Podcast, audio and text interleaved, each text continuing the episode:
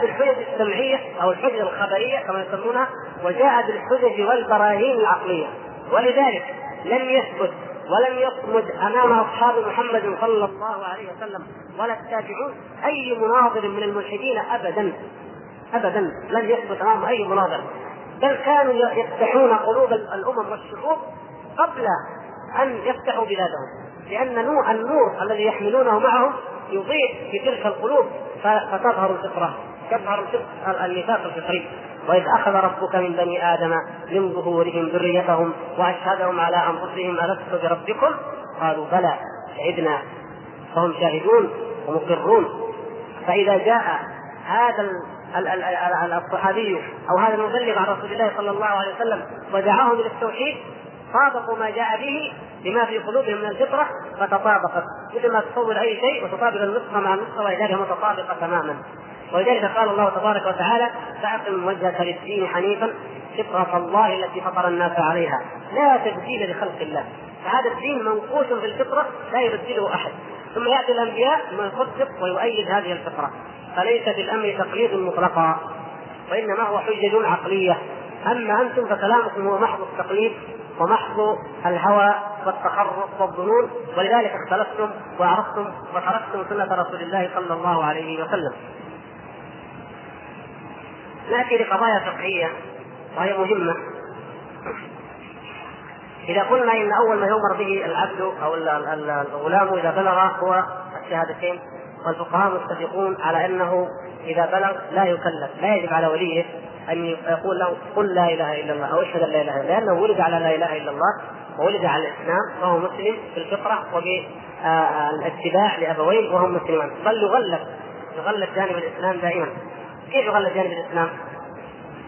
لو جينا إلى بلد من البلدان مدينة مثلا في أمريكا فيها جالية إسلامية بسيطة وفيها أعداد كبيرة من الكفار كما هو الأصل. فإن المغلب لو وجدنا لقيط لقيط مرمي ما ندري لمن. المغلب هو جانب الإسلام دائما. فنفترض في هذا اللقيط الإسلام. ونأخذه ونربيه على أنه مسلم ونسميه محمد أو عبد الله أو أي اسم من أسماء المسلمين. ولا ندعه للكفار ابدا. ولا نقول نعطيهم إياه لأنه كافر. لا. يغلب دائما جانب الإسلام. فالأصل في الناس والأصل في كل مولود هو الإسلام وهو أن يولد على هذه الملة. وهذا الكلام في كتب فقههم هم هؤلاء اصحاب البدع هؤلاء. في كتب فقههم. والعجيب يا إخوان إن بعضهم فقهاء. بعضهم فقهاء. يكون من أرباب الكلام ومن أرباب الفقه. إذا جاء في الفقه ذكر هذا الكلام. إذا جاء في علم الكلام قال لابد عدم التقليد ويكفر ولا ما يكفر وكأنه يشرح لأمة أخرى غير أمة محمد اللي يشرح لها بالفقه لما يتكلم في أبواب الفقه. فنقول الإقرار بالشهادتين والنطق ولا حتى يعني حتى كلمة النطق هي أقل من أن تقال يعني لأنه قول لا إله إلا الله أعظم. في فرق يا إخوان بين القول وبين النطق. إيش هو إيش الفرق؟ النطق مجرد إخراج الحروف ثم نطق. لكن القول في اللغة العربية يطلق على الفعل. إذا أنا حركت كذا قلت وقال بيديه هكذا كما جاء في الحديث. وقال بيديه هكذا مثلا. أو يقول قلت كذا بمعنى فعلت به كذا. فالشاهد أن الذي ورد في الكتاب والسنة هو قول لا إله إلا الله. وليس نطق. قول لا إله إلا الله الركن الأول من أركان الإسلام. لا يكون الإنسان مسلما أبدا ما لم يشهد أن لا إله إلا الله. وليس في هذا خلاف ولله الحمد بين علماء السنة والجماعة وبين الفقهاء إلا لما ظهرت البدع. فقالوا إن إن الإيمان يكون في القلب. عجيب. قالوا هذا الإيمان بس هو ما في القلب. ولا يشترط أن ينطق. ولذلك قال بعض المؤلفين أن من عرف الله بقلبه ولم يشهد أن لا إله إلا الله ولم ينطقها يعني رأى الرسول أي رأى أي نبي من الأنبياء أو سمع عنه كذا فلما سمع في قلبه يتيقن انه رسول وراح مشى ولا قال لا إله إلا الله ولا تحج بشيء ولا تتبعه. قالوا هذا يمكن أن ينجو عند الله ناج عند الله ولا يعذب الله لأن التصديق حصل عنده. هذا كلام باطل مخالف للإجماع المنعقد من عهد النبي صلى الله عليه وسلم إلى اليوم من أهل السنة والجماعة وهو أن الإنسان لا بد له أن يشهد أن لا إله إلا الله ولا بد له أيضا أن يؤدي الصلاة ولا بد له أن يؤدي الزكاة. لكن الكلام في مبدا دخول الإسلام. مبدأ دخول الإسلام هو شهادة أن لا إله إلا الله فلا بد أن يشهد بها نطقا حتى وإن كان في قلبه غير مقر بها. قد يقول ذلك نحن لا نطلع على القلوب ولم نؤمر أن نشق أن نشق القلوب لكن أما القول فيجب أن نسمعه منه حتى إذا قال أشهد أن لا إله إلا الله عاملناه معاملة المسلمين كما قال النبي صلى الله عليه وسلم امرت أن اقاتل الناس حتى يشهدوا أن لا إله إلا الله وأن محمدا رسول الله ويقيموا الصلاة ويؤتوا فإذا فعلوا ذلك عصموا مني دماءهم وأموالهم إلا بحقها وحسابهم على الله. إن كان في قلبه يعتقد غير ذلك حسابه على الله. أما أن يعتبر مسلم وهو لم لم ينطق بشيء ولم يقل أي شيء فهذا خارق للإجماع المستفيض المشهور. أنه لا بد أن يشهد كل إنسان أن لا إله إلا الله. وإلا لا يعتبر مسلما ولا مؤمنا ولا يأخذ أي حكم من أحكام المؤمنين لا في الدنيا ولا في الآخرة. طيب كيف لماذا نقول هذا الكلام؟ نقول يا إخوان لأن هناك فرق بين أحكام المرتد وبين أحكام الكافر الأصلي. الكافر الأصلي اليهودي أو النصراني يبقى على كفره، لكن من قال لا إله إلا الله شهد لا إله إلا الله وقال أنا مسلم أو فعل شيئا من خصائص الإسلام ثم نكت ثم كفر ثم رأيناه يحمل الصليب مثلا ثم سجد لغير الله فهذا مرتد وهذا يقتل. بخلاف الأول فإن دينه هو هكذا من الأصل. فنحن نعامل المرتد بناء على أنه قد دخل في دين الإسلام. فبما يصير الإنسان مسلما؟ بما نعرف أن هذا دخل في دين الإسلام أهم هذه العلامات هو أن يشهد أن لا إله إلا الله وأن محمدا رسول يكفي؟ لا لا يكفي. إذا شهد أن لا إله إلا الله وأن محمدا رسول الله الزمناه بفرائض الإسلام الزاما لاحظوا. نحن لا نكره احدا أن يقول لا إله إلا الله.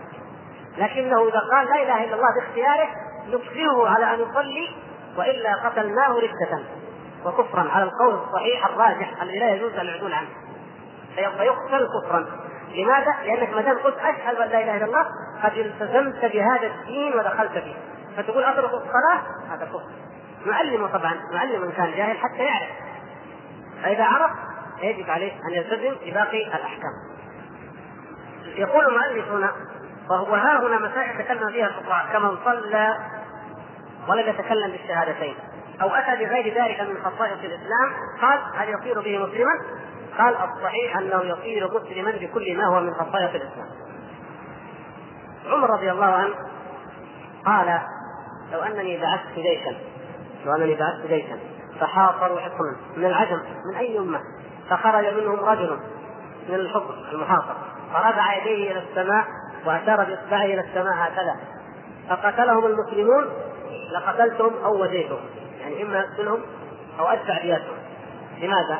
لأنه ما دام أشار هكذا قد أشار بالتوحيد. يمكن يقول عجم ما يفهم أي لغة من ما يفهم اللغة العربية. أشار هكذا أشار بالتوحيد. أشار بالعلو لأنه لا إله إلا الله سبحانه وتعالى. اذا يعني نقول نقبل أي شيء يدل على الإسلام. أي قرينة تدل على الإسلام. هذا القول الصحيح. فلو رأينا إنسان يصلي واحد نعرف إنه كافر أو حتى لو كنا في بلد الكفر وفي أمريكا مثلا وأي بلد من هذا الكفر فرأينا إنسان دخل المسجد وكبر يصلي مع المسلمين. ماذا نقول؟ نعتبر هذا إيه؟ مسلم. لأنه فعل خصيصة من خصائص الإسلام. هذا بالنسبة للبلد. بالنسبة للدار كيف نعرف الدار؟ أنها دار اسلام ودار كفر؟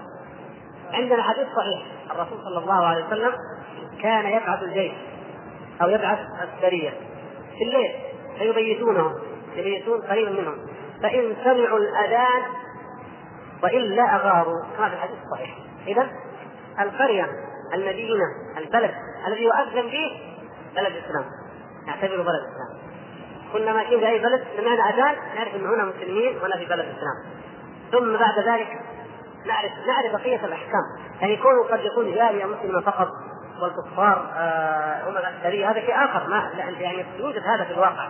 لكن بلد مجهول ما ندري هو بأي حكم نعطيه من حيث المبدأ إذا سمعنا الأذان عرفنا أن هذا البلد مسلم. يعني هناك علامات مبدئية ثم بعد ذلك يأتي البحث ويأتي الاستقصاء ويأتي الإلزام بالشريعة أو التمسك بالشريعة وعدمه. عندما نقول هذا البلد مسلم وهذا الإنسان مسلم لا يعني أنه كامل الإيمان.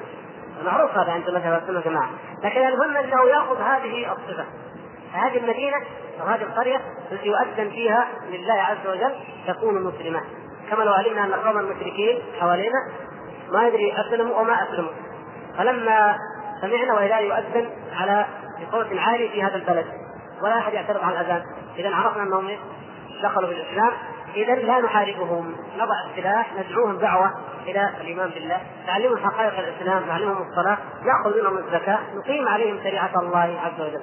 فلا ندعوهم يعني عرفنا أن هؤلاء يسلمون بهذه الشعيره الظاهرة المعلنه فاثبات الإسلام للانسان يثبت على الصحيح بأي شيء من خصائص الإسلام ومن عادات المسلمين.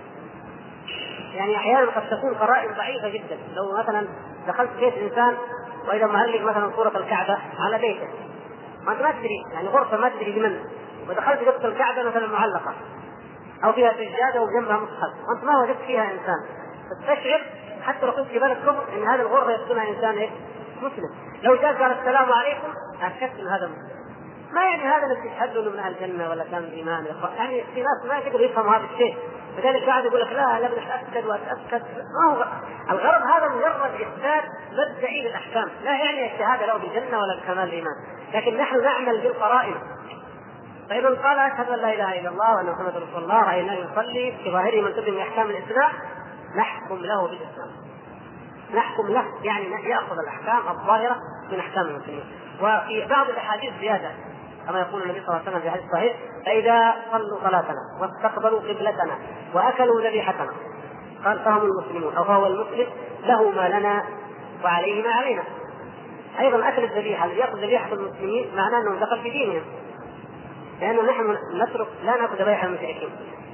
والمشركون لا يأكلون ذبائحنا فرضا نحن نعرف هذا منهم. فإذا أكلنا من أكل ذبيحتنا واستقبل قبلتنا وصلى صلاتنا فهو المسلم في أي شيء له ما لنا وعليه ما علينا. في الحقوق في المعاملات الدنيوية. أما في العقيدة وأما بالحيث في الدين اما ما بينه وبين الله عز وجل فهذا يدين به الإنسان لربه تبارك وتعالى. ونحن إنما نعامل الناس بالأحكام الظاهرة حتى ما يظهر لنا منهم من كل إنسان. حتى ان تكون هذه القضية واضحة يعني.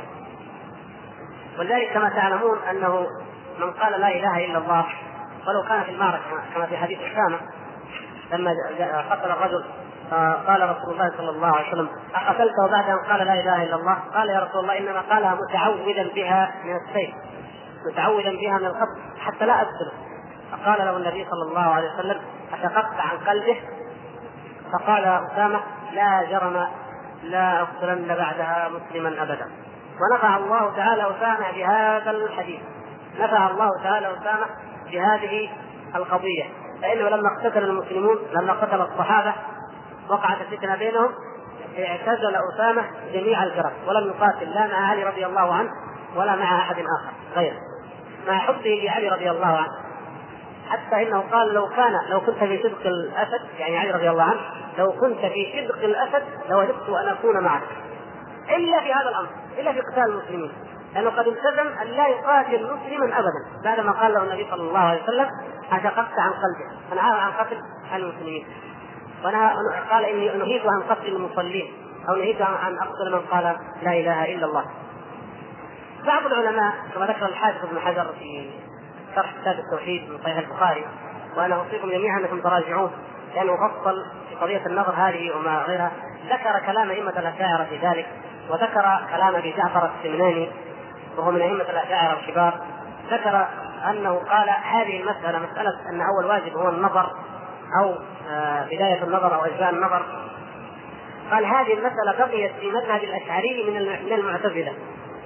والحسن الأشعري رحمه الله عاد إلى مذهب أهل السنة والجماعة لكن عودة إجمالية. والإنسان قد يعود إلى الحق عودة إجمالية لكن لا يعرف تفاصيل هذا الحق.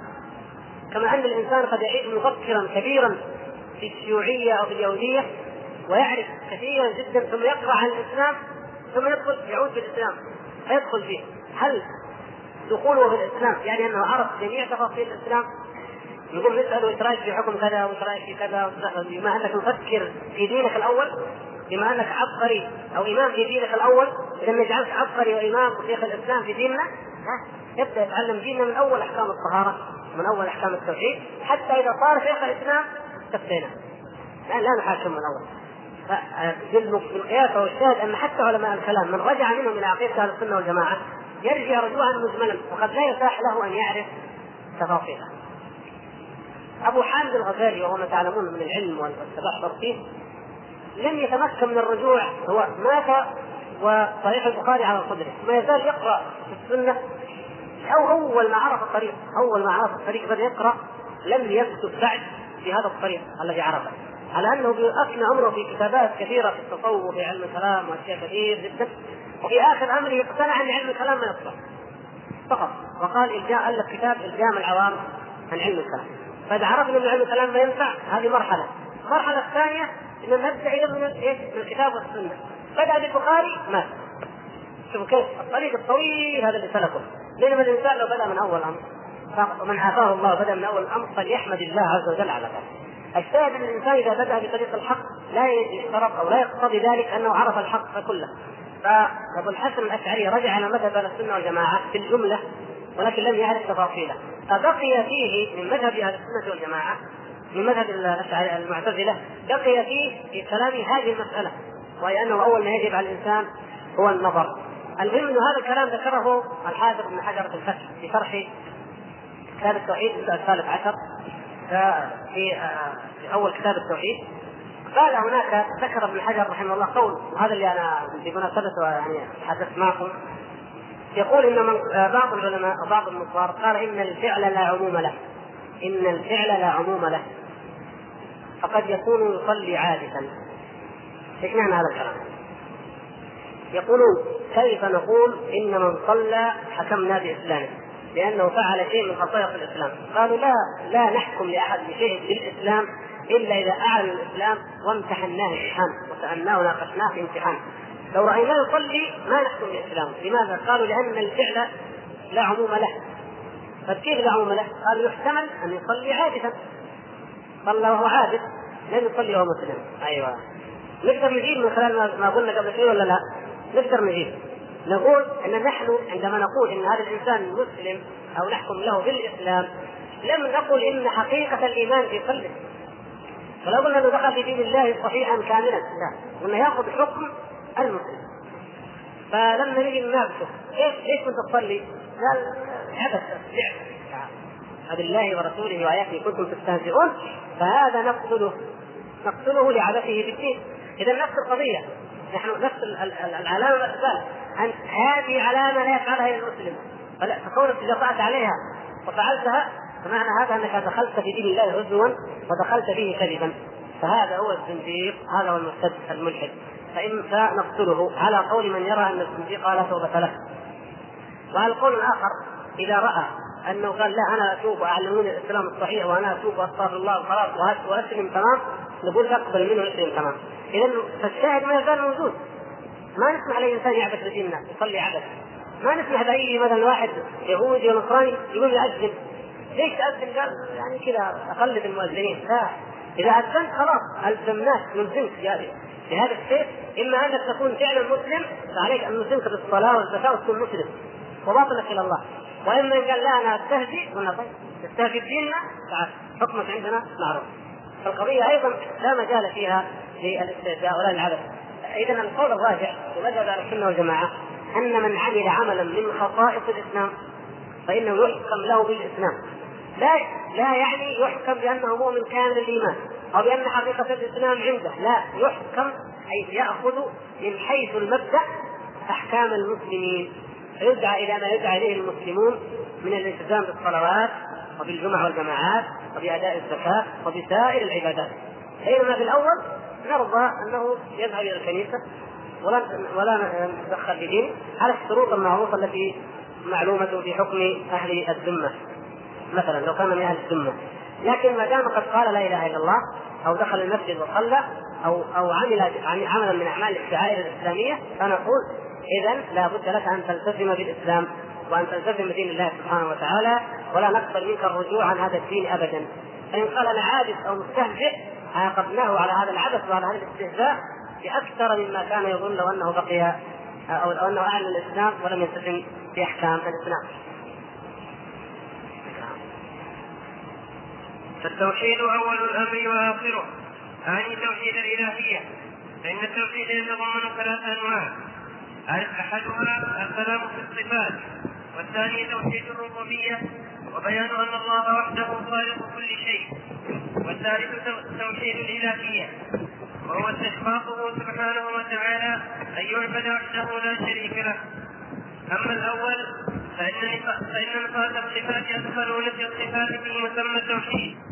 كجهل في صفوان ومن وافقه فإنهم قالوا إثبات الصفات يستلزم تعدد الواجب وهذا القول معلوم الفساد بالضرورة فإن إثبات ذات مجردة عن جميع الصفات لا يتصور لها وجود في الخارج وإنما الذهن قد يقرب المحال ويتخيله وهذا غاية التعطيل وهذا القول قد أفضى بقوم إلى القول بالحلول والاتحاد وهو وهو أقبح من كفر النصارى.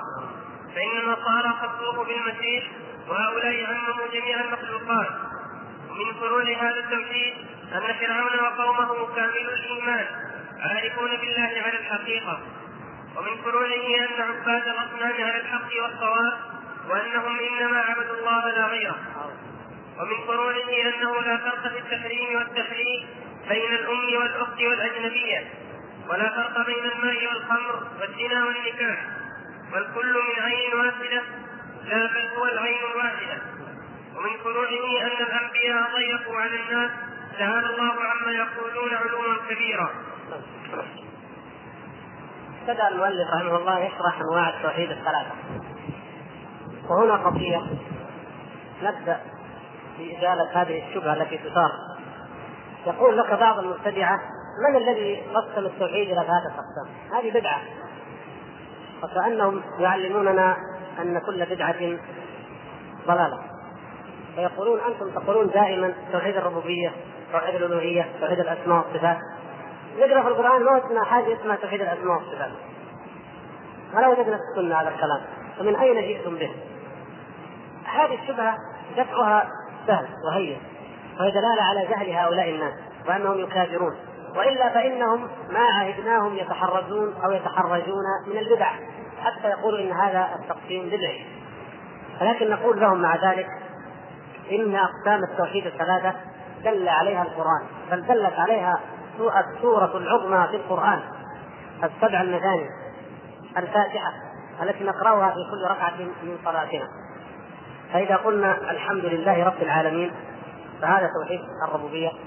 وإذا قلنا الرحمن الرحيم. هذا توحيد الأسماء والصفات. ثم إذا قلنا بعد ذلك إياك نعبد وإياك نستعين فهذا توحيد. الألوهية أو توحيد؟ العبادة. فمن أهمية هذه الأقسام الثلاثة اننا نرددها في كل فريضة. والله سبحانه وتعالى يقول أيضا هذا أول سورة في القرآن. آخر سورة في القرآن قل أعوذ برب الناس توحيد الربوبية ملك الناس إله الناس. فهذه تشمل توحيد الربوبية وتشمل الألوهية إله الناس وتشمل الاسماء والصفات لأنه سمى نفسه ربا وملكا والها. القران من أوله إلى آخره توحيد. وصلاتنا في كل ركعة يعني نقول التوحيد بانواع التوحيد الثلاثة. وعلماء الإسلام فهموا هذا الفهم. ولذلك من ألف منهم في التوحيد كابن منده وهو من العلماء المتقدمين ذكر هذه الأنواع وذكر هذه الأقسام الثلاثة في القرن الرابع. فليست هذه من اختراع شيخ الإسلام ابن تيمية ولا غيره. بل نفس شيخ الإسلام ابن تيمية وابن القيم يقسمون التوحيد باعتبار. التوحيد ينقسم ثلاثة أقسام باعتبار وينقسم قسمين باعتبار. إما أن نقول توحيد الربوبية وتوحيد الألوهية وتوحيد الأسماء والصفات في هذا التقسيم الثلاثي كما سبق وإما أن نقول باعتبار المعرفة الطلب المعرفة والإثبات معرفة الله عز وجل وإثبات ما يليق به هذا جانب نوع توحيد المعرفة والإثبات. والثاني توحيد الطلب والإرادة. وهذه تأتينا إن شاء الله. حتى لا يخطبها بعض الإخوان. هي تأتينا عما قريب ونفصلها إن شاء الله. فيمكن نقول التوحيد نوعين في المعرفة معرفة المعبود سبحانه وتعالى. ثم عبادته وهو توحيد الطلب والإرادة والقصد. توحيد علمي اعتقادي وهو توحيد الأسماء والصفات. وما يعني ينبغي لله عز وجل بعظيم جلاله سبحانه وتعالى. وكماله والمعنى الآخر توحيد العبادة أي توحيد عملي الأول علمي اعتقادي والآخر عملي طلبي إرادي. هذه إن شاء الله تفصيلها. الشاهد أن أنواع التوحيد ثلاث ومثل ما سبق أن قلنا في الحديث الذي افتتح به البخاري أو جعله ثاني حديث في صحيح البخاري في كتاب التوحيد من صحيح البخاري قال الرسول صلى الله عليه وسلم أو قال الرجل لما قال الرسول صلى الله عليه وسلم سلوه لماذا يختم صلاته؟ سلوه لماذا يفعل ذلك؟ أي لماذا يختم صلاته بقراءة قل هو الله أحد دائما. قال الرجل لأنها إيش؟ صفة الرحمن. لأنها صفة الرحمن. اذا توحيد الأسماء والصفات معروف لدى السلف الصالح والأدلة على ذلك كثيرة ومعروف في عهد النبي صلى الله عليه وسلم. فلأنها كما في الحديث الذي قبله تعدل ثلث القرآن. اذا ثلث القرآن في الحديث الصحيح. حديث صحيح جاء بعد يوضحها أنها تعدل ثلث القرآن لأنها إيه؟ صفة الرحمن. اذا ما معنى هذا؟ معنى هذا أن توحيد الأسماء والصفات هو ثلث التوحيد. ثلث التوحيد. والتوحيد الآخر الربوبيه والتوحيد الثالث الألوهية. اذا الحمد لله الأدلة من الكتاب ومن السنة ومن فعل السلف دالة على أنواع التوحيد الثلاثة. ولا ينكر ذلك إلا مكابر. ولو أنهم حققوا التوحيد لما اختلفنا ونحن وإياهم في الأسماء.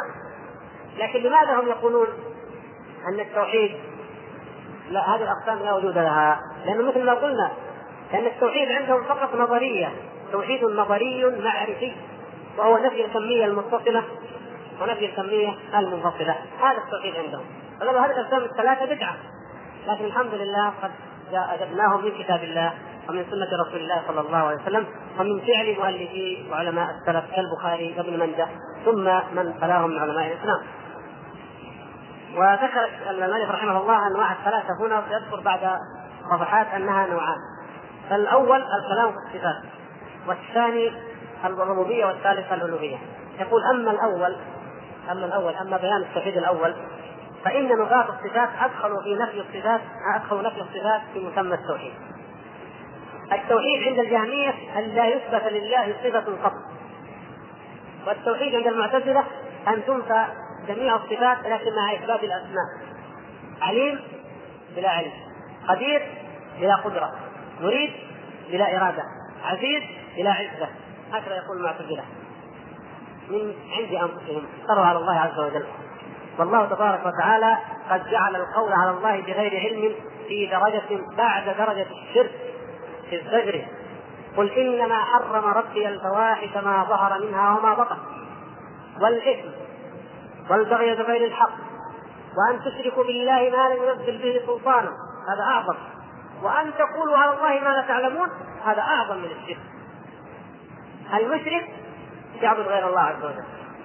هو قاعد يعبد حجر أو يعبد أي شيء المسيح أو عزير أو اي أي طاغوت يعبد غير الله، لكن من يقول على الله بغير علم أعظم من مجرد هذا المشرك، لأنه يأتي ويقنن وينظر لهذا الشرك. ويقول دين الإسلام ما ينفع ونأخذ من دين الإسلام كذا ونترك كذا ونأخذ من الأحاديث كذا ونرد كذا ونأخذ من ويبدأ يغطي. هذا مقنن هذا مفتري على الله عز وجل. اذا فهذا من القول على الله بلا علم. فهو أعظم من مجرد الشرك بالله تعالى.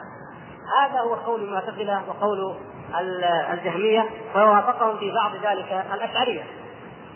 فيقول أن نفاق الصفات جعلوا التوحيد هو نفي الصفات الجهمية. وقالوا إثبات الصفات يستلزم تعدد الواجب. إيش معنى الواجب؟ يعني الواجبات الصلاة والصيام؟ لا. حتى نعرف المصطلحات. الواجب يعني واجب الوجود. الفلاسفة يسمون الله تعالى واجب الوجود. يقول لك الموجودات تنقسم إلى ثلاثة أقسام. واجب وممكن ومستحيل من حيث الوجود. من حيث الوجود الأقسام ثلاثة. واجب الوجود وهو ما يوجد بذاته مستغن عن غيره وغيره مفتقر بوجوده إليه. يعني الله عز وجل ما يسمونه الله يسمونه على لغتهم أو على منهجهم واجب الوجود يسمونه. والممكن المخلوقات ممكن توجد ممكن ما توجد. والمستحيل كما يقول هو وجود إيه؟ وجود واجبي وجود مثلا مع بعض. أو وجوده ولا وجوده مع بعض. وجوده ولا وجوده هذا مستحيل. وجود أي شيء ولا وجود. مثلا نقول الشاهد أنه واجب الوجود عندهم كما يقول الله عز وجل. لا يثبتون له أي صفة إلا أنه واجب وجود وأنه موجود. لكن فين الموجود؟ في المثال في عالم المثال. الذهن. لأن لو أثبتنا له أي صفة وجودية كما قلنا لاصبح كما يقولون في عالم الواقع. ولو ولو قلنا إنه واجب وجود بعدين قلنا عليم قال آه صاروا اثنين. كيف هذه شبهتهم صاروا اثنين. والاثنين ممنوع. إحنا قلنا وحدانية بس. لا تدعيم لا, لا كمية منفصله ولا كمية منفصله ما نقول اثنين. طيب لو قلنا هو الله الذي لا إله إلا هو الملك القدوس السلام المؤمن العزيز الجبار المتكبر قال انت في القرآن تسعة آلهة. كيف تسعة آلهة؟ الله عز وجل لما ذكر هذه الآيات ذكرها عشان يريد عشر آلهة ولا 15 إله؟ ولا إله واحد له صفات؟ إله واحد وله صفات. فيقول هنا إثبات ذات مجردة عن جميع الصفات لا يتصور لها وجود في الخارج إثبات ذات ما لها أي صفة في المرة؟ لا يتصور وجوده في الخارج يعني خارج الذهن. إذا وجد شيء موجود لابد نقول إنه طويل عريض مثلا ضخم أحمر أبيض أي شيء. لابد له وصف ما دام موجود في الخارج. إلا في الذهن إلا في الذهن. ولذلك واجب الوجود الذي يتكلم عنه الفلاسفة غير موجود ابدا إلا في في أذهان الفلاسفة. فقط. في أذهان الفلاسفة. ثم ذكر المؤلف قضية خطيرة هنا. يقول هذا القول قد أفضى بقوم إلى القول بالحلول والاتحاد. وهذه أخطر من مجرد اثبات من مجرد نفي الصفات. نفي الصفات كفر بالله عز وجل. كفر يخرج من الملة لأنه تكبير لكتاب الله. لكن أكثر منه الذين ذهبوا إلى مذهب الحلول والاتحاد. كيف؟ قالوا لا يوجد متعينا في الخارج. أرجو أن ننتبه العبارات دقيقة والمعاني صعبة. ان رأيتم أن نقل ممكن نقل ان رأيتم أن نستمر؟ ارجو أننا نعي وننتبه. لأن نقف؟ نستمر؟ طيب. نعم. ها؟ أيوه نعيدها إن شاء الله لأن القضايا دقيقة. من أين جاءوا بها؟ ترجمت. ترجمت من المصطلحات اليونانية. واللغة العربية لغة واسعة كما تعلمون فاستوعبت هذه المصطلحات. المهم يقولون هم إذا وجد أي شيء متعين خارج الذهن يعني موجود خارج الذهن بعينه هذه عين وهذا عين وهذا شيء متعين خارج الذهن لابد له صفات ولا لا؟ لابد يكون موصوف أنا وأنت وهذا لابد يكون لنا صفة. طويل عريض فلان مثلا اسمه فلان لابد من صفة أي كانت هذه الصفة. الذي لا يعني الله عندهم قال لا لا صفة له مطلقا، إذا لا يكون موجودا متعينا في الأعيان. يبقى إذا في الأذهان فقط في الأذهان ولا يوجد في الأعيان. فجاء البعض الآخر اللي هم الصوفية بنوا على هذا الكلام في آخر. قالوا ما دام لا وجود له في, في الأعيان إذا حقيقة الأمر أنه ما في إله غير هذه الأعيان، ما في شيء غير هذه الأعيان. إذا هذه الأعيان هي ذاتها الله سبحانه وتعالى. عرفتم كيف ركبوا قضية وحدة الوجود أو الحلول؟ ركبوها على نفي الصفات.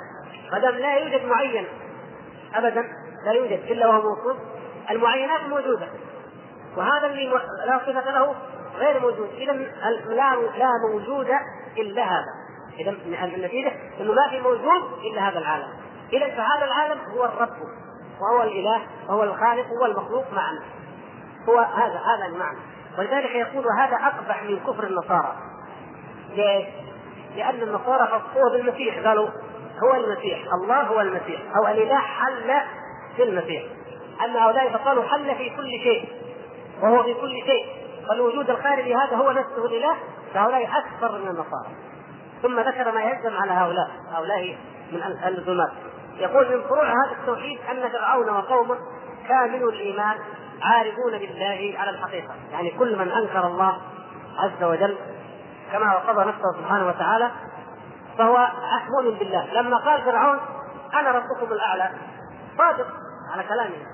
والعجيب انه هذا ما هو لازم قولهم. يعني إحنا نقول فرق بين أنك تلزم إنسان تقول له يا أخي لازم كلامك هذا كذا، كلامك هذا يلزم منه كذا، وبين يكون كلامه هو. لا. صرح بعض الصوفية بكلامه هو بأن فرعون كان صادقا عندما قال أنا ربكم الأعلى. قالوا لماذا؟ قال لأنه ما في الوجود إلا هو. هو الوجود نفسه. فإذا قال أنا ربكم الأعلى وهو من الوجود فهو ما كذب. هذا هو الوجود. ولذلك ألفوا كتابا في إثبات إيمان فرعون بعضهم. وبعضهم يقول فرعون أصلا ما كفر ولا أشرك. وكل من عبد الأصنام أو عبد الكواكب أو عبد الأحجار ما عبد غير الله. ما عبد غير الله. وإنما هذه اختلفت المسميات. أو اختلفت الانظار والمقصود الكلي واحد أو مراد الكل واحد. ولهم في ذلك أشعار نسأل الله العافية في شعر ابن الفارس وفي شعر ابن عربي بل في كتاب الفتوحات المكية لابن عربي من أمثال هذا الكلام الشيء الكثير. ولو ذكرنا لكم بعضه فلعلنا إن شاء الله نأتي بنصوص من نفس كلامه ومن شعر نقرأه عليكم ونحيلكم من الأجزاء والصفحات حتى تتأكدوا أن هذه عقيدة هؤلاء القوم. كما قال شاعرهم الآخر عبد الكريم الجيلي وما الكلب والخنزير إلا إلهنا وما الله إلا راهب في كنيسته والعياذ بالله. من أمثال هذا القول الرافض الذي يستحي الإنسان أن يقوله يقولون إنه حتى الكلب وحتى الخنزير هو إلههم وانه الله والعياذ بالله عندهم راهب في كنيسه وكما يقول الآخر ابن عربي يقول أدين بدين الحب أن توجهت ركائبه فالحب ديني وإيماني. ثم ذكر بعد ذلك ومرتع مصحف قراني ومرتع غزالي ابيات نسيتها الآن ابيات تقول إنه يعني هو يدين دين النصارى بدين اليهود بأي دين؟ ها؟ المهم قلبه حاويا كل ملة فأصبح قلبي حاويا كل ملة. فدير آه، ودير لرهبان يعني آه، فكعبة أوثان ودير لرهبان. فأصبح قلبي حاويا كل ملة فكعبة أوثان ودير لرهبان. يعني جميع الأديان عندي سواء كل شيء سواء. اليهود المجوس النصارى كلهم يعبدون شيء واحد. من يعبد الكلب من يعبد الخنزير من يعبد الشجر من يعبد الحجر من يعبد الكواكب كلهم يعبدوا شيء واحد. ولا وليس هناك أي فرق. لماذا؟ قال لأن الموجود واحد. كما قال نفس ابن قال آه العبد رب والرب والرب عبد. يا ليت شعري من المكلف. إن قلت رب فذاك آه إن قلت عبد العبد هو المكلف فذاك رب لأنه هو نفسه العبد هو الرب. أو قلت رب فقلت الرب هو المكلف أن لا يكلف أن لا يكلف الرب إنما يكلف العبد. إذا ما في تكاليف إيش النتيجة؟ ما في تكاليف نهائيا. لأنه إن كلفني العبد قال لك هذا الرب الرب حال فيه طيب إن كلفني الرب قال الرب من يكلفه إنما يكلف العبد. النتيجة لا تكاليف لا عبادات مطلقا. وهذا هو دين القوم. يقول الشيخ أن من من فروع توحيدهم هذا الذي يسمونه توحيد خاصة الخاصة. أعظم أنواع التوحيد من فروعه أن فرعون كامل الإيمان وأنه صادق عندما قال أنا ربكم الأعلى وأن عباد الأصنام على الحق والصواب وأنهم ما عبدوا غير الله. وأنه لا فرق في التحريم والتحليل بين الأم والأخت والأجنبية. ليش؟ لأن الكل واحد. الكل واحد. ما دام ما في فرق بين رب السماوات والأرض سبحانه وتعالى وبين فرعون فإذا قال أنا ربكم الأعلى فكأنه كما قال الله عز وجل لفرعون بنفسه لا إله إلا أنا. اذا القولين واحد الكل واحد. فكذلك الأخت والأجنبية كل واحد. اذا كل هذا يلزمه كل هذا بل هم اعترفوا ببعضه وقالوه حتى والعياذ بالله وهذا مشهور عن بعضهم أنه أراد أن يفعل الزنا بواحده فامتنعت. فقال لها الله يمنع الله. نسأل الله السلامة والعافية. يعني هي حطها إله وحط نفسه اله إيش اللي يمنعهم؟ وكلام لو ذكرناه وهو موجود في مصادره إن شاء الله لتعجبتم أن يوجد في أمة محمد في من ينتسب لهذا الدين من يقول هذا القول.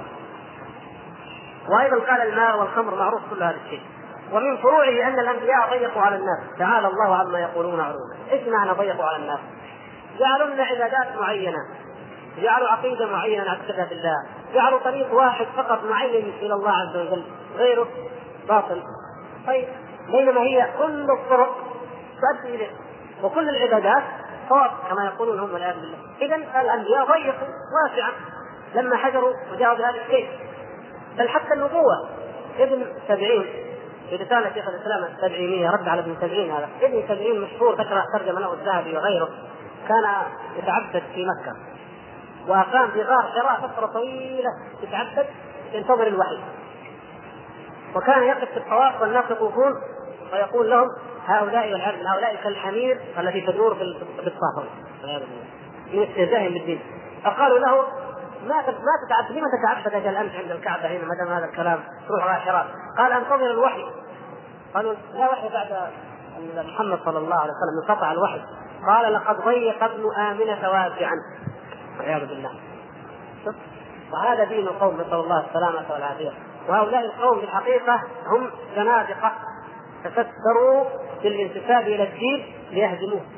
ونسأل الله سبحانه وتعالى أن يكشف باطلهم. وقد كشفهم الله عز وجل وفضحهم بما ألف علماء الإسلام من نقد ابن هذه النظريات. وهذه النظريات يا إخوان كلها تعود إلى الوثنية اليونانية. حتى دعاوى الصوفية هذه كلها ترجع إلى الوثنية اليونانية. لأن الفلاسفة الرواقيون كانوا من أكثر الناس عبادة وأكثر الناس زهد. فكان الحكماء يقولون إذا أردت الحكمة وأن تنفتح في قلبك حقائق الحكمة وتنطق بالحكمة فلا تأخذ اليوم إلا لوزة أو حبة أو كذا. وقننوا قوانين وكانوا يمشون المشاؤون كانوا في آه الأماكن العلم حقهم اليونانيين يمشوا يمشي يفكر ويمشي. ويمكن الدرس الساند ويمشي يقول لك التفكير مع المشي يكون أعمق. وكان يمشي. يسموهم المشاؤون والرواقيون كانوا يجلسون بين الأروقة. يسموهم الرواقيون. الشاهد هؤلاء كانوا يعذبون أنفسهم ولا يكون إلا القليل ولك تنقدح الحكمه في قلبه. نفس الشيء أخذه هؤلاء أصحاب وحده الوجود والحلول الاتحاد فقالوا إذا تعبدنا كثير وزهدنا في الدنيا وضيقنا عن أنفسنا تفيض علينا الحكمة ويفيض علينا العلم اللدني وينزل في قلوبنا العلم الباطن فننطق بكلام وإن عارض الأحاديث وإن خالف هذا الكلام الذي قال صاحبهم يقول حدثني به قلبي عن ربي والعياذ بالله. فقال أنتم تأخذون دينكم ميتا عن ميت. حدثنا عبد الرزاق. مات. عن معمر. ميت. عن أيوب. ميت. مات. كلهم مات. لكن نحن نأخذ علمنا عن الحي الذي لا يموت. والعياذ بالله. فيقول إن الله تعالى يقذف في قلوبهم الحكمه بهذا التعبد والتعبير لله. وهذا هو عين ما قال به هو عين ما كان يعتقده فلاسفة اليونان. حتى إن بعض المؤلفين المفكرين العرب كما يسمونهم الذين لا يؤمنون بالإسلام يعني لا يؤمنون بالاسلام فعلا. هو يعني مسلم اسمه محمد أو فلان. يعني يمكن أذكر لكم بعض الأسماء. مثلا الدكتور زكي نجيب محمود. فغضب أبو بكر رضي الله عنه وقال والله لاقاتلن من فرق بين الصلاة والزكاة. قالوا هؤلاء يشهدون أن لا إله إلا الله. فقال إن رسول الله صلى الله عليه وسلم قال إلا بحقها إلا بحقها. والزكاة حق المال. والزكاة حق المال. وقاتلهم الصديق. ثم انكشفت الشبهه تأمل عمر رضي الله عنه القضية بعد ذلك فماذا قال عمر رضي الله عنه؟ وهو الذي اعترف قال لو أطاعنا أبو بكر لكفرنا. هذا الحديث آه، آه، رواه ابن أبي شيبة المصنف عن عمر رضي الله عنه يقول لو أطاعنا أبو بكر لكفرنا. كان بنترك ناس تاركين ركن من الإسلام كان كفرنا. ليش؟ يعني لما فطنوا الصحابة جاء أبو هريرة رضي الله عنه وابن عمر وروى الأحاديث حديث آه، أمرت أن أقاتل الناس حتى يشهدوا أن لا إله إلا الله ويقيموا الصلاة ويؤتوا الزكاة. فإذا فعلوا ذلك عصموا مني دماءهم اذا قبل ما يفعلوا الصلاة أو الزكاة دمهم غير معصوم أيوه اتضحت آه الآيات قال آه آه ابن عبد الرحمن بن زيد بن أسلم رضي الله تعالى عنه من التابعين. قال آه ما كان أفقه أبو أبا بكر. ما كان أفقه أبا بكر. ليش؟ كيف كان أبو بكر؟ قال إن الله عز وجل يقول فإن تابوا وأقاموا الصلاة وآتوا الزكاة فخلوا سبيلهم. أما قبل ذلك قال فخذوهم واقعدوا لهم كل مرة يعني يعني يجب أن نقتلهم. فخذوهم واقتلوهم واقعدوا لهم كل مرة فإن تابوا وأقاموا الصلاة وآتوا الزكاة فخلوا سبيلهم. فقال لله ما كان أفقه هذا ما كان أفقه فإن عمله موافق لهذه الآية لأنهم لم يتركوا آه، لم يؤدوا الزكاة فلذلك يقاتلون عليها فالزنديق يقتل ويقام عليه هذا الحد لأنه ترك يعني الالتزام بأي يعني من ترك الالتزام بأي شريعة من شرائع الإسلام. طيب هل هذا خاص بالأركان الخمسة؟ لا. ليس الأمر خاصا بالأركان الخمسة. بل يجب أن يقاتل على كل واجب من واجبات الشريعة إذا جحدت. كيف جحدت؟ يعني قال لك واحد هذه ما فرضها الله وبس أو ما ما نزلت في القرآن، لا. إذا إذا حصل الامتناع والإصرار على تركها. الأذان مثلا الأذان جاء قرية من القرى أو مدينة من المدن قال نحن ما نأذن مسلمين ونصلي بس ما نأذن نصحناهم ما رضيوا نقاتلهم ولا لا؟ يجب قتالهم مدينة أو قرية قالوا لا نصلي صلاة الاستسقاء ولا صلاة الكسوف ليش؟ قالوا إحنا مسلمين كل الأركان عندنا. بس هذه ما نأتيها مرة. طيب جاهلين؟ قلنا هذا الدليل هذا الفعل. قالوا ما نأتيها ما, ما يمكن نقاتلهم عليها. قال العلماء أيضا لو أجمع الطائفة على أن على ترك ركعتي الفجر سنة الفجر نقاتلهم أيضا عليها لأنها مؤكدة. هكذا السنن إذا بالمقابل أيضا المحرمات. لو أن طائفة أو أمة اجتمعت فقالوا نحن لا نترك الخمر. ما نترك شرب الخمر. مسلمين نصلي نصوم بس الخمر نبيعها ونشتري فيها عاد. هؤلاء يجب قتالهم. يجب قتالهم أيضا. وإلا اثم المسلمون لأنهم تركوا قتالهم. وهذا نفسه وقع في زمن النبي صلى الله عليه وسلم. في حديث رواه الإمام أحمد المسند عن رجل من أهل اليمن جاء النبي صلى الله عليه وسلم وقال إن هؤلاء قوما لا يدعون الخمر. قال إن تركوها وإلا فقاتلهم. قاتلهم. طيب تجي تقول يا أخي ليس بالخمر ما نقتله. نعم. المسلم الذي يشرب الخمر؟ لا نقتله وإن كان في حديث الرابعة. لكن هذا المدمن المدمن يقتل. هذا شيء آخر. لكن الكلام في إيه؟ لأن المسلم المسلم مجرد أنه يشرب الخمر لا يقتل ولا يعتبر مرتد بمجرد أنه شرب الخمر. لكن لو قال أنا لا ألتزم بهذا الواجب أصلا. أنا لا أنا ما أفضل بريد حلال حرام أصلا. أنا رايح أشرب رايح أشرب. وعانت في هذا. هذا هو الذي يصبح والعياذ بالله مرتدا. لاحظتم؟ هذا هو الذي يصبح مرتدا. طيب يجيك واحد يقول حتى لو كان مقر ومؤمن بأن الخمر يعني حرام. هذه الشبهه الجواب عليها نقول هل فعلا يتصور في العقل إن واحد مؤمن بأن الخمر حرام ومع ذلك ننصحه ويرفض إلا يشربها ونكتفه ونقول له هذا السيف وبنقتله وكل شيء وهذا السيف يلا خلاص ولا يتوب يقول لا بسم الله اشربها هل يعقل إن هذا فعلا مقر بوجوبها؟ فعلا. إن كان يقول لك أدري إنها موجودة في القرآن أدري إنها موجودة في القرآن أدري إن الرسول حرمها لكن أنا رايح أفعلها. يكون هذا كفر كفر العناد. يسمى كفر العناد من قال أعرف أن هذا رسول لكن لا أؤمن به هذا كفر إيش؟ عناد اليهود والنصارى إلى اليوم إلى اليوم يعلمون أن محمد صلى الله عليه وسلم رسول ان قالوا ما نتبعه مرة ينفعهم هذا الإيمان؟ كفر العناد هذا هذا من كفر العناد إبليس لما كفر ترك إيش؟ سجدة كيف يكفر؟ يعني يكفر الإنسان بمجرد أنه ترك شيء من الدين؟ لا هو بمجرد أنه ترك. اذا عاند أنا خير منه. عاند هل كفر إبليس لأنه جحد أن الله أمره؟ لا هو من لأن الله أمر لأنه أمره الله عز وجل ويعلم أن الله أمر. لكن كفره لأنه عاند الأمر. ففرق بين أن نجحد نفس الأمر وبين أن نعاند. لأن هذه يا إخوان كثير من الناس لا يدركها. كثير من يظن أن الذي يكفر بشرب الخمر اللي يقول إن الله ما أنزل تحريم الخمر. طيب اللي يقول لا أدري إنها حرام لا بد أن اشربها وأن أبيع واشتري ولا يمكن أتركها ابدا. ها؟ ونقيم عليه الحجة ونفهم إن هذا كفر ويصر على ذلك حتى نقتله. نصلي عليه هذا؟ حتى في مقابل المسلمين؟ لا. هذه يعني أحكام الزنديق وهي أحكام فيها تعقيد على كل حال.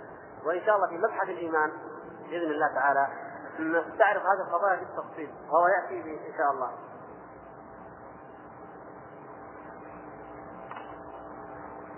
ما تقول لمن أنكر وجود الجن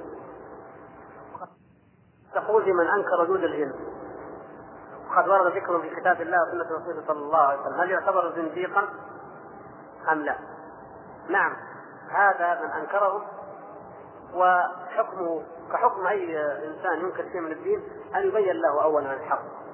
لكن اصر على أنه ما في جن مرة فهذا لا شك أنه كافر لأنه كذب القرآن. الله عز وجل أنزل سورة كاملة سورة الجن. وذكر ما وقع وما جرى لهم وما قالوه. وذكرهم بآيات كثيرة وأن رسالة النبي صلى الله عليه وسلم عامة لهم. فمن أنكرهم فهذا مكذب لله تبارك وتعالى. لكن يا أخوان لا نتعجل في بعض الأمور. نقول منكر الجن كافر. هذا صحيح. ما في شك في هذا. لكن أقول فلان ينكر الجن كيف عرفت إن فلان ينكر الجن؟ قال لك سمعته مرة يقول مو صحيح إن الجن يدخل في إنسان. طيب هذا هذا اللي قال الكلام ينكر الجن؟ هذا غلطان. ما هو فاهم مثلا كيف يدخل الجن في إنسان. لكن أنا كنت اظن إنه ينكر الجن. فأنا يعني يجب أن نفرق ولذلك نحن لما نقرر هنا أي حكم نقرره أو نقوله فنحن نقوله نظريا. يعني نقول الحكم الشرعي كما شرع الله عز وجل كما هو في عقيدة أهل السنة والجماعة. لكن التطبيق العملي أمر آخر. التطبيق العملي هذا عند القاضي. القاضي يجيب البينات يجيب الدفاعات مثلا أو النفي يجيب يرجح حتى في الأخير يتبين له هل هذا الرجل ينكر أو ما ينكر. لكن نحن نظريا وعلميا نقول من ينكر الجن كافر. فلان بذاته ينكر الجن هذه قضية أخرى. هذه قضية أخرى. نقول من أنكر السنة زنديق فلان ينكر السنة هذا كلام آخر. ينكر ما ينكر هذه بينات تحتاج إلى بينات أخرى. فارجو أن تكون هذه القضية واضحة.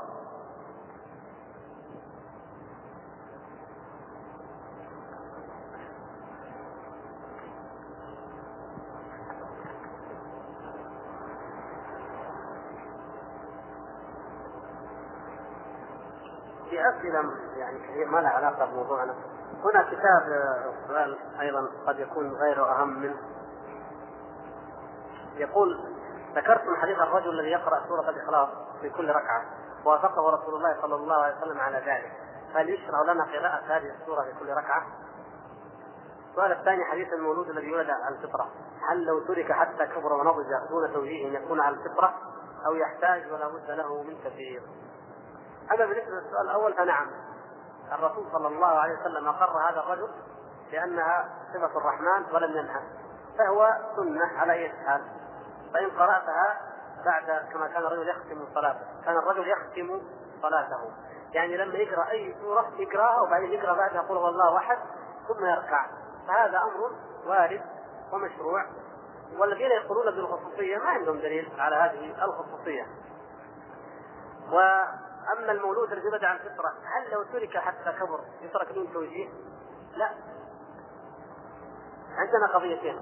ولازم يا إخوان نفرق جيدا بين إعطاء الحكم لهذا الإنسان لأنه مسلم واعتباره مسلم لا يعتبر مقلدا كما يقول اولئك ولا يعتبر يعني أصحاب الكلام يعتبروه مقلد مثل ما قلنا. هذا لا يعتبر مقلد لأنه مسلم. الطفل مسلم لأن فطرته على الإسلام. لا نقول أنه أسلم تقليدا لأبويه. ما في تقليد. هو مسلم لأن الله خلقه مسلم.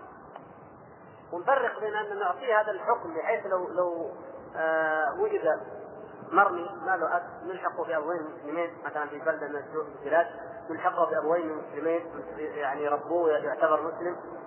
لو وجد لقيط نلحقه بأبوين مسلمين أيضا ونسميه باسم اسلامي يعتبر مسلم هذه الأحكام يأخذها.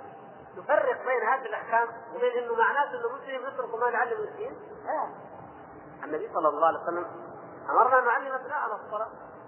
وأمرنا أن نعلمهم الدين فلا بد نعلمهم الإسلام ونعلمهم الدين ولذلك لم يكفي دليل الفطرة لم يغني دليل الفطرة عن إنسان الرسل دليل الفطرة يكفي في ماذا؟ يكفي بأن كل مخلوق خلقه الله عز وجل فهو متجه إلى الله هو يعرف الله عز وجل وهو موحد لله عز وجل. هذا القدر كافي. لكن كيف يعبد الله عز وجل؟ هنا نحتاج اليه للوحي هذا مثل ما مر معنا في أول الكتاب لما قلنا إن العقول لا تستقل بمعرفة ذلك.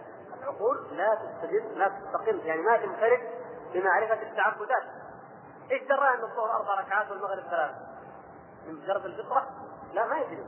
فنحن نحكم له حكما ظاهريا بالاسلام بمعنى أننا لا نرضى ابدا أن أي لقيط يوجد يلحق بابوين كافرين حتى لو كان في مبنى أو عمارة أو في حي كله كفار أمريكان كلهم وجدنا لقيط لا يجوز أن نلحقه بالكفار. لأنه يولد على الإسلام فنلحقه بالإسلام. لكن هذا ما نتركه خلاص لا. لابد أن نوجه وأن نربيه وأن نعلمه. ونعلم ابنائنا أيضا مع أنهم مسلمون نعلمهم دين الإسلام. لكن كلامنا كان عن إجراء الأحكام أو اعتبار الأحكام فقط.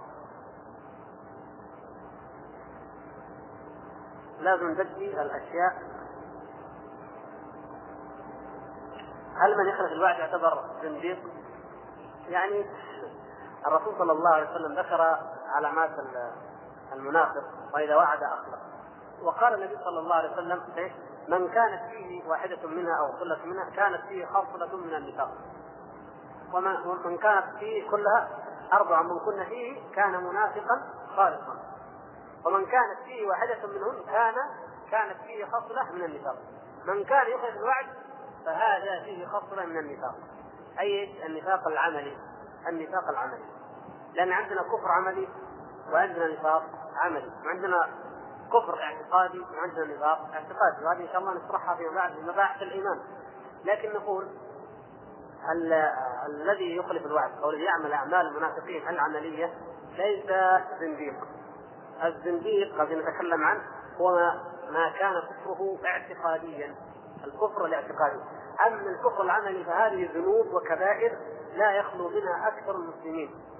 لا يخلو منها أكثر المسلمين ولا لا قل من تجده ناجيا من خصال المنافقين أجارنا الله وإياكم منها وانجانا منها. ولذلك يقول ابن أبي مليكة أدركت ثلاثين من أصحاب محمد صلى الله عليه وسلم كلهم يخشى على نفسه النفاق. يخاف منه. إذا كان من وعد اخلف منافق. طيب كم من المسلمين من يخلف؟ من يوعد ويخلف على طول. مشكلة هذه هذه غفله وإذا خاصم فجر هذه خصلة. وواقعة في كثير من الناس. وقد تكون السنتين مع بعض والثلاث والرأس ما في خصلة إلا وهي فينا إلا ما رحم الله. يعني في مجتمعنا ككل لكن هذه ليست هي الزندقة. هذه خصال النفاق العملية وقد تؤدي بلا شك إلى مرض القلب الذي يؤدي فيما بعد إلى الزندقة والعياذ بالله. لا نستهين بأي معصية فإن المعاصي هي بريد الكفر. هي بريد الكفر. التي تؤدي إلى الكفر. لكن هل هو زنديق لأنه أخذ الوعد؟ لا. هذا فيه خصلة من النفاق. مثلا نعم الذي يتخلف عن صلاة الفجر دائما ما يد... هذا نفس العلامة. تخلف عن صلاة العشاء ولو دعي إلى مرماتين حسنتين لخطأ يعني الشاهد موجود نفس العبرة. نعم. هل يعتبر زنديقا؟ ماني فاهم في واحد يقول أفكر في الصلاة وأن إذا قبلت قبل سائر الأعمال وإذا لم تقبل لم تقبل أعمال الفرد. طيب هذا ما هو ما هذا صحيح طيب وهناك بعض الأحاديث تنص على الزكاة واعتبارها ركن أركان الإسلام. ما وضح. هذا يتعلق بالموضوع لكن ما واضح نتركه.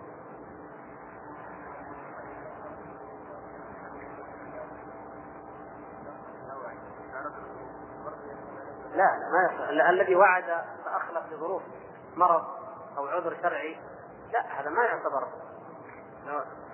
الأشياء التي مثلا النبي صلى الله عليه وسلم لما آه، كان وزوجه الصحابه وكان وعدهم أنهم يدخلون البيت ويطوفون ويعتمرون.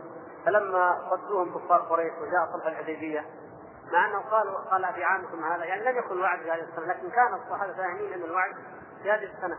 حتى الضرب ما تحقق إلا في السنة الجاية. فما لا ما في شيء تأخر الانسان عن موعده لظرف أو عذر شرعي. وإنما الكلام في من لم يكن لديه عذر شرعي.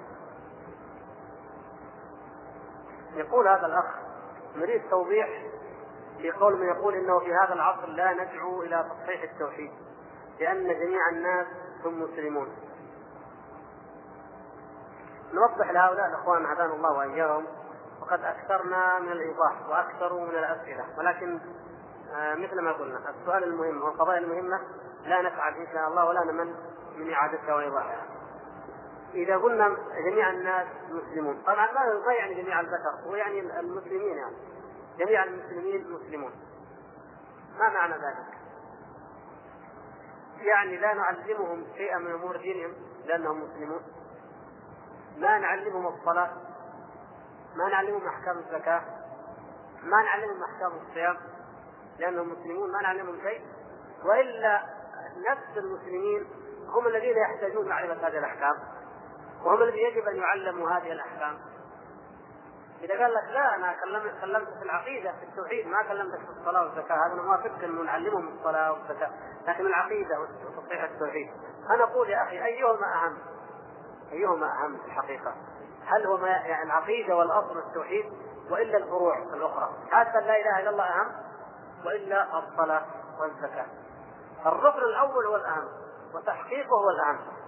فإن كنت تقول إن كل من قال لا إله إلا الله فهو مسلم كامل العقيدة لا يحتاج إلى تعليم ولا تصحيح.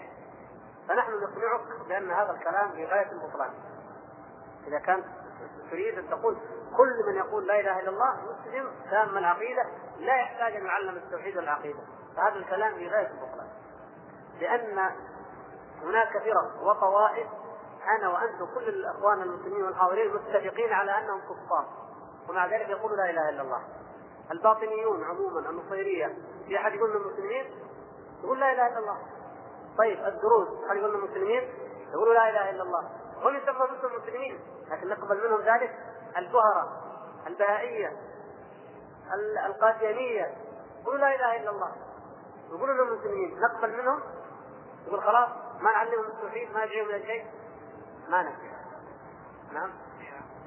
الرافضة لا إذا قلنا الشيعة قد يفهم منها أنه عموم الشيعة وكلمة التشيع تطورت وصار لها معاني مختلفة.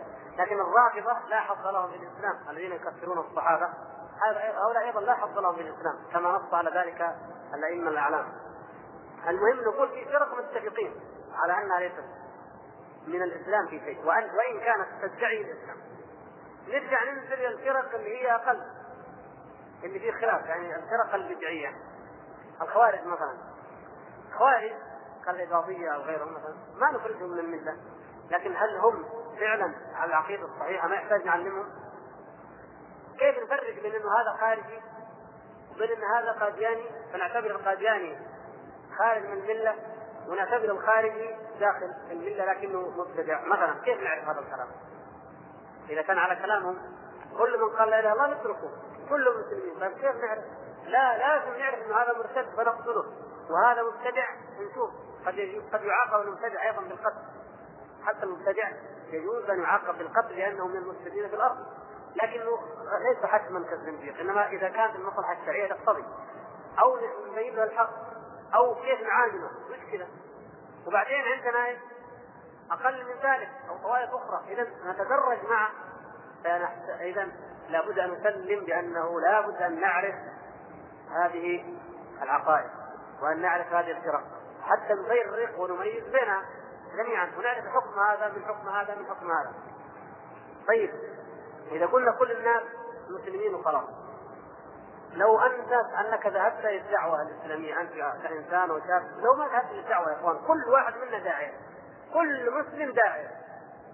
رحت إلى أمريكا أو إلى أي بلد من بلاد المسلمين ووجدت فيه ذاك القبر الكبير ويطوفوا حواليه ويدعوا صاحب القبر وقالوا نحن مسلمين.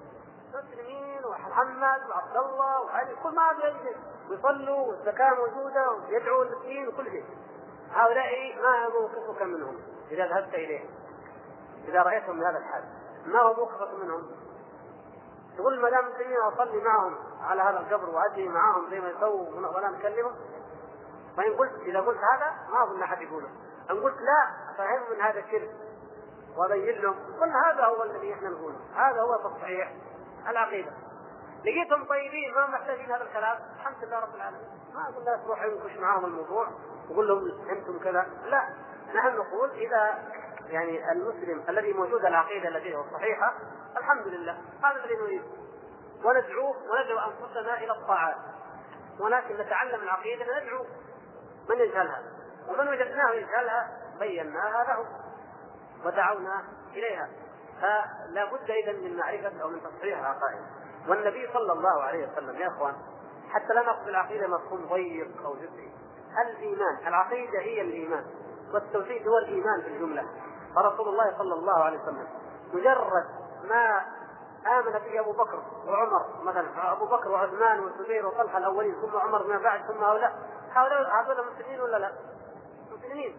لماذا بقي النبي صلى الله عليه وسلم يربي ويربي ويبين لهم كيف يعتقدون في الله، كيف يعتقدون بصفات الله، كيف الجنة، كيف النار، كيف عذاب القبر، كيف يبين لهم هذه الأشياء إلى أن توفاه الله إليه. طيب ما يقول لك مسلمين وخلاص، لا. هذه من ديننا لابد أن نعرفها أول ميزة ميزنا الله تعالى بها المؤمنين قال الذين يؤمنون بالغيب فكيف نؤمن بالغيب؟ كيف نعرف تفصيلاته؟ إلا بالبيان من النبي صلى الله عليه وسلم. طيب توفي الرسول صلى الله عليه وسلم شريعته بين أيدينا سنته بين أيدينا يجب أن نقرأها ويجب أن نعلمها الناس. ابائنا عندهم جهل وعندهم أخطاء أحيانا ينسبون لله عز وجل من الصفات ما ليس له. أحيانا قد يقولون عبارات لا يدرون أنها فيها شرك وهي فيها شرك لازم نعلمهم كيف نعرف هذه العبارات؟ كيف نعرف حكمها؟ كيف نعرف نكون تعلمنا العقيدة وعلمناها إخوان المسلمين في كل مكان كذلك الإلحاد العصري الغزو الفكري الجديد الشرك الوثني الجديد الوثنية الجديدة العصرية الجديدة هذه جاءتنا لابد أن نعرفها ولا بد أن من تصحيح العقيدة أن نصحح في أذهان الناس أن الله عز وجل أنزل هذا الدين كاملا كاملا. يجب علينا أن نطبقه بجميع شؤون حياتنا. ما يكفي أن يكون مسلم في عبادة أو في صلاة واكون مثلا أتعامل بالربا والعياذ بالله. أو آه، آه، أتعامل أو الحياة الاجتماعية كلها قائمة على غير الإسلام أو أي أمر من هذه الأمور. هذا أيضا من تصحيح العقيدة ومن تصحيح التوحيد الذي قلناه. مثل ما مر معنا في الدرس قبل الماضي قضية الاتباع اتباع الرسول صلى الله عليه وسلم. وأن المعترضين على الرسول صلى الله عليه وسلم أو المعترضين على شرع الله لا حظ لهم من هذا الاتباع. فلا بد من من المتابعة الكاملة للرسول صلى الله عليه وسلم في جميع الحياة ادخلوا في السلم كافة. فمن تصحيح العقيدة أن المسلمين يدخلوا في هذا الدين كافة. في النواحي السياسية والاجتماعية والاقتصادية والعائلية والنفسية كل شيء يتلقى من الله ورسوله. فهذا أيضا من تصحيح العقيدة الذي يجب أن نصححها. لا نقول فقط صح جانب من جوانبها ونترك الجانب الآخر. بل كل جوانب العقيدة تحتاج إلى تصحيح. والمسلمون اليوم يجهلون كثيرا جدا من هذه الجوانب ويحتاجون إليها جميعا. نرجو التكرم باعطائنا نبذه مختصرة عن كل طائفة من هذه الطوائف. طائفه طيب يعني يقصد الفرق. نحن نذكر فرق يعني على سبيل التمثيل لكن كيف نعرف كل فرقة؟ ما نقدر نفصل في معرفة بعض الفرق. وإن كنا قد تحدثنا في أول الأمر عن الخوارج وعن التشيع وعن القدرية اجمالا لأنها هي أصل الفرق. لما بحثنا أو قرانا موضوع كيف تفرقت هذه الأمة. فان شاء الله لما يمر معنا بعض الفرق نتحدث عنها. زي مثلا في الدرس الجاي إن شاء الله يجي معنا موضوع وحدة الوجود والحلول الاتحاد هناك باذن الله نتحدث عنه ونفصل في موضوع. الذي يحقق نوعيه التوحيد الربوبية والألوهية دون الثالث أو غير ذلك. هل يدخل هذا في عموم قوله من قال لا إله إلا الله دخل الجنة؟ وهل يكون محققا للتوحيد حيث قال الشيخ محمد عبد الوهاب باب من حقق التوحيد دخل الجنة التوحيد ثلاث أنواع من حقق نوعين ولم يحقق الثالث ما حكمه؟ هذا مختصر السؤال هل يدخل في عموم من قال لا إله إلا الله دخل الجنة؟ نقول ما معنى من حقق التوحيد؟ إذا كان الإنسان الذي لم يحقق توحيد التوحيد الثالث وهو الأسماء والصفات لم يحققه بمعنى أنكر جميع صفات الله عز وجل وأسمائه فهذا كافر.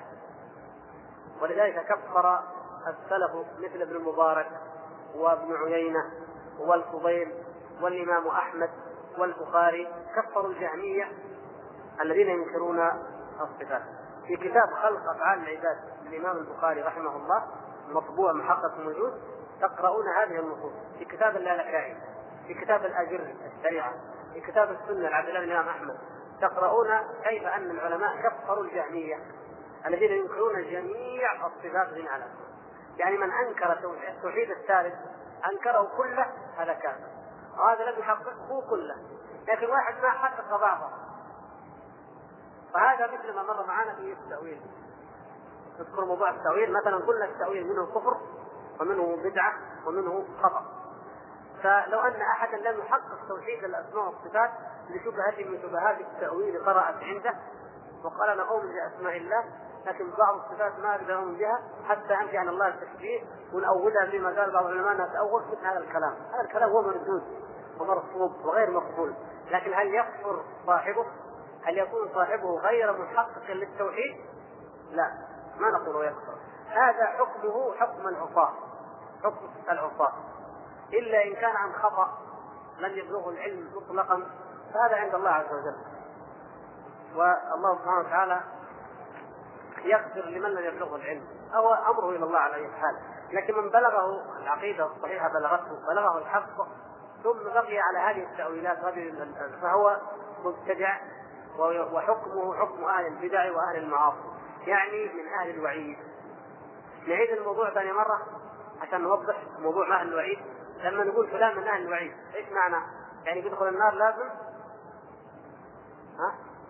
من أهل الوعيد يعني يستحق العقوبة لازم يتعاقب قد يعاقب وقد لا يعاقب نقول مثلا إن الذين يأكلون أموال اليتامى ظلما إنما يأكلون في بطونهم نارا وسيصلون سعيرا هل كل من أكل مال اليتامى لازم يدخل النار؟ كل واحد أكل مال يتيم يدخل النار لازم؟ لا. تخافوا يقول لا. ليه؟ حكمه حكمه. هذا وعيد. حكم من أكل أموال اليتامى ظلما أنه يدخل النار. حكمه لكن كل من أكل لا. يمكن واحد أكل مال اليتامى ظلما ومات في سبيل الله. لاحظتم كيف؟ عشان نقول ما ما نخاف لأنه هذه هذه آيات الوعيد وحديث الوعيد. الخوارج ضلوا فيها وغلوا إلى تكفير المسلمين. لكن نحن نفهم هذا حكمه هذا جزاؤه عند الله. جزاؤه عند الله النار. جزاء من أكل مال عند الله النار. هل لابد أن يتحقق الجزاء؟ لا. نقول كثير من أصحاب الكبائر لا يدخلون النار أصلا. كثير من أصحاب الكبائر أو بعضهم لا يدخلون النار أصلا. ليش؟ إما لأنهم فعلوا طاعات مع هذه الكبائر. تكفر ذلك. في في دليل على هذا الكلام؟ أيوه في دليل. الرجل الذي كان يشرب الخمر في عهد النبي صلى الله عليه وسلم. فلما جلسوه قال قاتله الله. كم نجلده فلا يتوب فماذا قال النبي صلى الله عليه وسلم؟ قال إنه يحب الله ورسوله. كيف سبحان الله. نعم. يعني قد يكون شاربا الخمر. أليس شرب الخمر كبيرة؟ كبيرة. لكن قد يكون هناك مانع يمنع من تعليله وهو أنه يحب الله ورسوله. مع أنه يشرب الخمر لكن فيه مانع. أنه قاتل في سبيل الله حتى قتل مثلا. فوعيد صاحب الخمر معروف. إذا نقول فلان من أصحاب الوعيد يعني فلان ممن يطبق عليه ممن يستحق هذا الجزاء يستحق هذه العقوبة. لكن هل لابد أن يقع؟ لا. اذا نقول هناك تكفر الخطيئة يعني وجود حسنة أعظم منها. تنصب الموازين يوم القيامة. توضع الكبائر هذه أو الكبيره اللي ارتكبها الرجل هذا توضع في كفه وتوضع حسناته في كفه. فقد تطيع هذه ترجح الحسنات وتطيع الكبيرة. اذا هذا هذا واحد. يكفر بشفاعة النبي صلى الله عليه وسلم. يعني لا يدخل النار بشفاعة النبي صلى الله عليه وسلم. أو بشفاعة بعض عباد الله الصالحين.